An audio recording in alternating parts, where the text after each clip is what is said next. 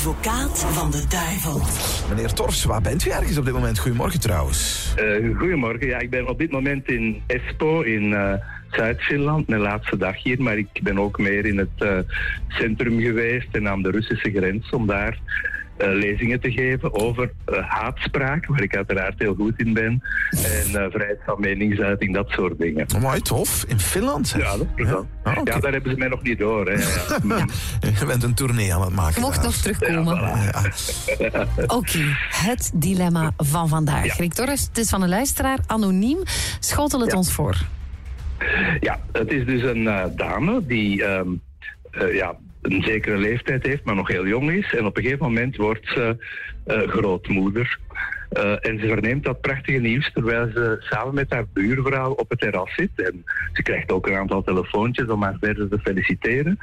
Maar ze merkt dat uh, de buurvrouw daar niet op reageert of niet positief.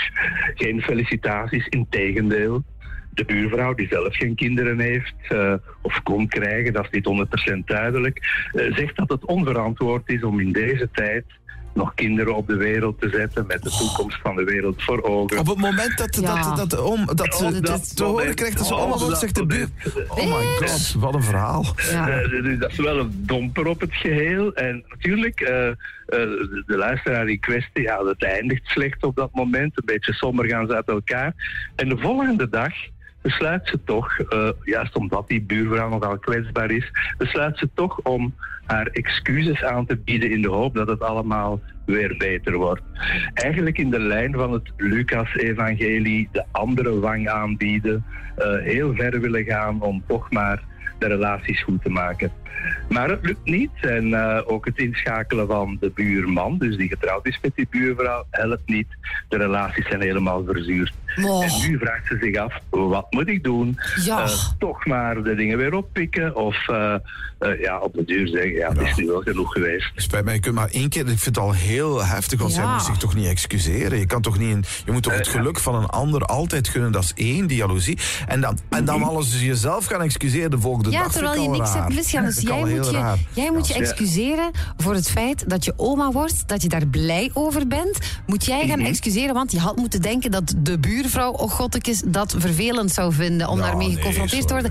Ik snap, ik, ik snap ook wel dat de buurvrouw zich niet goed voelt om een of andere reden. Hè, want we weten niet zeker hoe dat zit. Ik kan dat begrijpen, maar... Mhm. eh, ja, ik vind het bijna geen dilemma. Ik zou dan zeggen, oké, kom hè. Allee, ik bedoel, je, je bent al super lief geweest.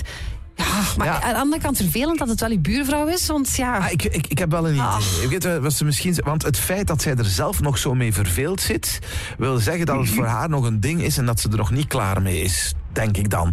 Dus ik, Ja, zou, dus ik denk dat ze na al die tijd nog één keer naar daar mag gaan en zeggen: Kom, gaan we eens een keer gaan we even samen zitten. Laten we daar nog even over kletsen. Ik leg eens uit waarom dat ze jou zo gekwetst heeft. Want ja, dat is mijn vreugde. We zijn daar verschillend in. Kunnen we weer normaal tegen elkaar gaan doen? Zit dat erin? Als ze dan nog eens aan betand doet, ja, dan Ja, zou ik een grote ik- betonnen ik, muur wel, ik denk eh, dat ik nu al een beetje feller ben dan jou. Ja? Ik vind, op het moment zelf vind ik het al echt stom dat Ik ze reageren Ik maar tot daar naartoe. Maar de dag nadien gaat ze zich excuseren. Dus Ja. dan heeft ze een dag al de tijd gehad om het te laten bezinken. Als je dan nog niet beseft van, oh, ik ben eigenlijk helemaal mijn grens overgegaan. Dat, dat is niet oké. Tot daar, hè? Dan denk ik, ja, maar dan denk ik ook... Goed geweest. Dat Hey, hoeft niet kom meer. aan, ja, ja, ja. Maar dat snap ik. Maar doordat ze er zelf mee zit, denk ik... ah, wel, misschien dan is het helemaal van je af. Als je zoveel tijd er hebt over laten gaan... toch nog eens een poging hebt gedaan om te zeggen... leg eens uit wat, ik zal mijn kant eens uitleggen. Laat ons ons best doen om weer met elkaar samen te leven als buren. En als het dan niet kan, dan kan het niet meer. Dus jij geeft nog een tweede kans, nog een Derde derde, ik zou nog een derde ik zou misschien al afhaken naar de tweede kans. Professor Tors, heel veel reacties komen binnen. Anne die zegt, ja, ik begrijp, het is misschien raar, maar ik begrijp ook wel een beetje de reactie van de buurvrouw. Wij zijn voor het moment bezig met zwanger proberen te geraken. En het gaat niet al meer dan een, eh, een jaar. Ik ben altijd blij hoor voor een ander als ik hoor dat ze zwanger zijn. Maar het is toch niet gemakkelijk. Misschien een beetje een andere situatie. Maar ik begrijp ook ergens een heel klein beetje de buurvrouw. Maar natuurlijk wel, dat is een heel, heel teer, kwetsbaar punt. Maar ja, dat je op het moment zelf zegt van... eh, eh, eh, Het is een goed idee om nog kinderen op de wereld te zetten. Maar dat, het, dat je er een nachtje over slaapt. De volgende dag nog altijd dezelfde Ja, ja, mening hebt. Dat, dat, is toch, dat valt toch bijna niet goed te praten. Goedemorgen, dag Frederik. Goedemorgen. Hey Frederik, jij ehm, stuurt iets heel duidelijk. Ik ehm, maak de komaf met negatieve mensen en ik ben in een positieve spiraal terechtgekomen. Vertel. Ja, dat klopt. Eh, ik heb ooit eens een, een commerciële training gehad. En uh, ja, daar werd mij verteld van ja, negatieve mensen rondom u, dat trekt u naar beneden. En ik heb dat onthouden, ik heb dat ook toegepast in mijn privéleven. Afscheid nemen van negativiteit. En uh, ja, dan, dan krijg je positieve dingen. Dus die buurvrouw zou ik zeggen van ja, mijn probleem niet, trek uw plan.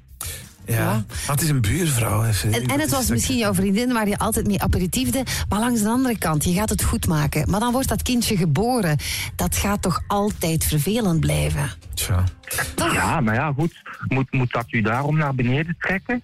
Nee, nee, maar je hebt, ik, ik volg je helemaal. Negatieve mensen, dat kan je ja, missen als kiespijn. Maar ik bedoel, het, het, is, het is je buurvrouw, dus je ziet die nog constant. En je hebt daar waarschijnlijk ook hele fijne momenten mee meegemaakt. Tuurlijk, je, kunt, je moet het onderscheid maken. Je kunt dus, uh, iemand kan eens ventileren. Iedereen doet dat, hè, en dat is ook nodig.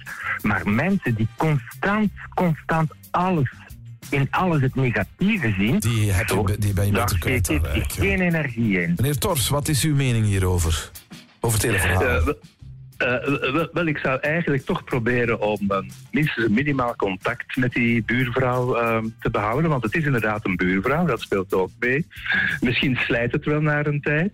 Het is ook mogelijk natuurlijk dat ja, dit leidt tot wat minder goede verhoudingen, elkaar wat minder vaak zien. En dat moet ook kunnen. Ik vind niet dat je tegenover elke buur even lief moet zijn.